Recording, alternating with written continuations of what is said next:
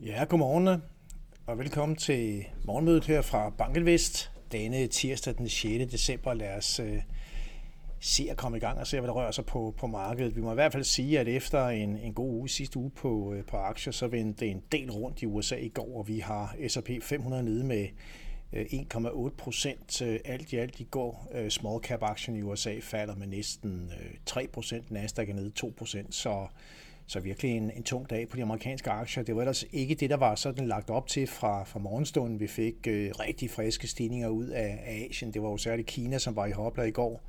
MSCI China-indekset sluttede øh, næsten 5% højere i, øh, i går, og vi har EM-aktierne op med 1,1%. Danske aktier øh, lukker med et, øh, et, øh, ja, et rundt 0, mens øh, stocks øh, 600 i Europa falder med, med 0,4%. Vi kommer lige tilbage til, hvad der var, der pressede de amerikanske aktier, men øh, ser vi sådan lige på S&P 500, så er det danske OMX Copenhagen Cap Index her år til dato, så er det jo altså øh, bemærkelsesværdigt at se, hvor, hvor tæt øh, samvariation der har været. Øh, senest øh, med de bevægelser, vi også fik i går, så ligger det danske OMX Copenhagen Cap øh, Index øh, lidt bedre til år til dato end det amerikanske S&P 500. OMX Copenhagen Cap er lige nu nede med 13 procent year to date mens øh, S&P 500 er nede 16 procent i runde termer. Og det er klart, at tager man højde for, øh, for dollarens øh, fremgang alt i alt i år på vel cirka 8% mod en dansk krone, så, så har de amerikanske aktier givet et, et noget bedre afkast, men i lokal valuta ligger vi altså lidt foran på, på nuværende tidspunkt. Det, der i går var med til at presse aktiemarkedet i særdeleshed i USA, det var nye rentestigninger. Kan måske være svært at se her på, øh, figuren på side 4 til højre, der har vi nemlig den 10 amerikanske rente i USA, som, som jo var op og toppe omkring en 4,35 øh, procent øh, tilbage i, øh, i oktober måned, og som senest øh, ligger på, på 3,59 procent. Øh, så altså et pænt rentefald. Men i går fik vi et løft i, øh, i renterne i USA, ret tydeligt løft. Den 10-årige rente stiger med, med 9 basispunkter, var nede og runde 3,5 procent øh, før ISM Serviceindekset, så vi egentlig var den øh, store overraskelse i opadgående retning, der pressede renterne op. Vi så også, hvordan de korte amerikanske renter steg øh, pænt. Den toårige rente i USA, den steg med, med 12 øh, basispunkter. Så, så løft i renterne øh, ikke så markant løft på de europæiske renter, vel at mærke.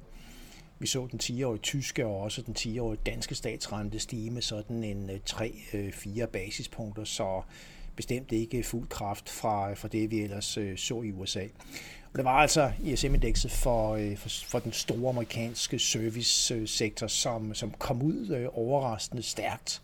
Øh, og der var nogle underkomponenter, som var med til at altså presse renterne op, og, og dermed også de, øh, ja, de rentefølsomme aktier øh, ned. Det vi så på ISM Serviceindekset øh, i den seneste sådan opgørelse for november måned, det var, at indekset sprang op på, øh, på 56 en, en halv, øh, et løft på et, øh, et, par, et par punkter, et par point her, og der var øh, forventet et, et noget lavere niveau.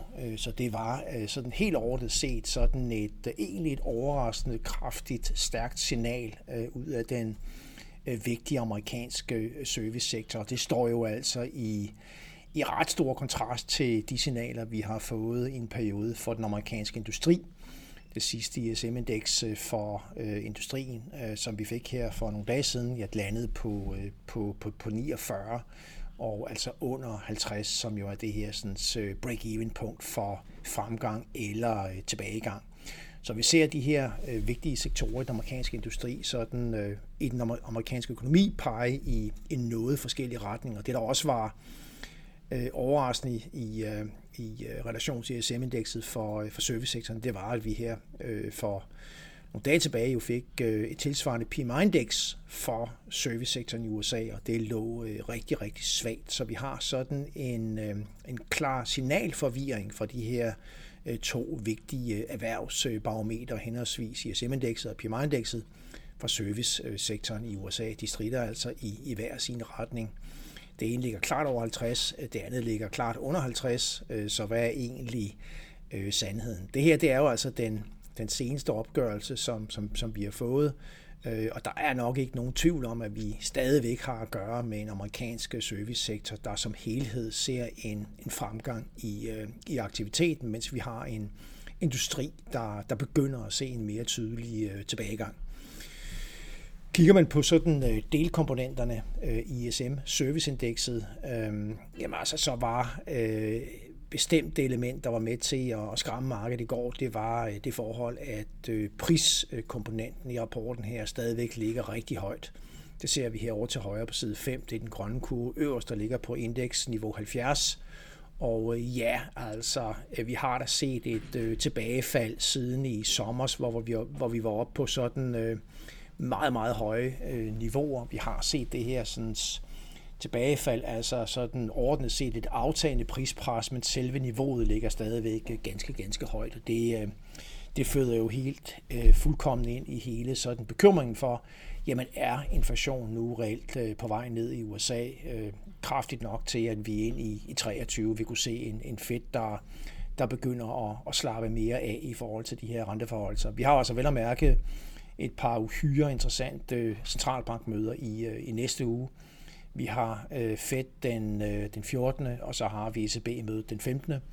Og begge centralbanker, hvis man ser på markedsprisning i øjeblikket, så, så forventes begge centralbanker sådan i, i runde termer at sætte renten op med 50 basispunkter i næste uge. Men det er klart, at, øh, at, øh, at hele retorikken, signalerne fra, øh, fra centralbankernes øh, topchefer vil være øh, utrolig vigtige at, at følge.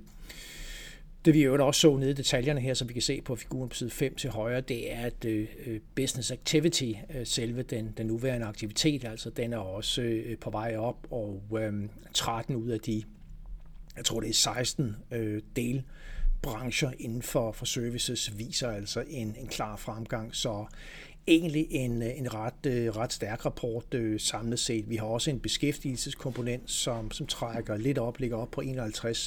Det er ikke sådan meget højt, må man sige, men det er dog over break-even-punktet på 50. Øh, det vidner om, at der er et, et netto flertal af virksomheder, som, som stadigvæk øh, sender et signal om, om at de, øh, de rekrutterer øh, flere, end, end, de, øh, end de afskediger.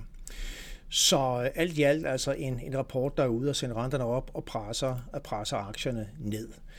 Ikke desto mindre så, øh, jamen altså, hvad, hvad er vurderingen af den amerikanske økonomi? Og der må man bare sige, at konsensus blandt økonomerne peger altså på øh, fuldkommen stagnation i første halvår 2023.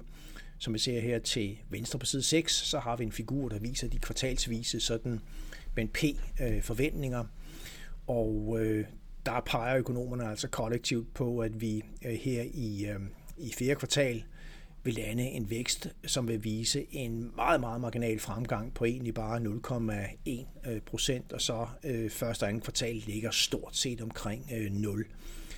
Og så er der forventninger om, at USA gradvist vil begynde at se en mere sådan tydelig vækst, når vi når ud i slutningen af 2023, og det er for så vidt også forventningerne for, for euroområdet. Det er i hvert fald det, der er priset ind, om man vil, i, øh, i øjeblikket. Tyskland, øh, der fik vi også et, et enkelt interessant nøgletal i, i går, synes jeg. Det er altså tallet for, øh, for for detaljsalget. Øhm, det er jo en, en væsentlig del af det samlede privatforbrug. Øh, det varierer lidt fra, fra økonomi til økonomi, men det er vel i rundetermer omkring sådan halvdelen af det samlede privatforbrug, som det her detaljsalg udgør. Og der kan vi altså bare se, hvordan de seneste observationer de peger klart ned, og trenden har virkelig igennem det sidste års tid været i sådan en, øh, en, en nedadgående bevægelse. Øh, ikke nogen tvivl om, at der er pres på det, øh, det tyske privatforbrug.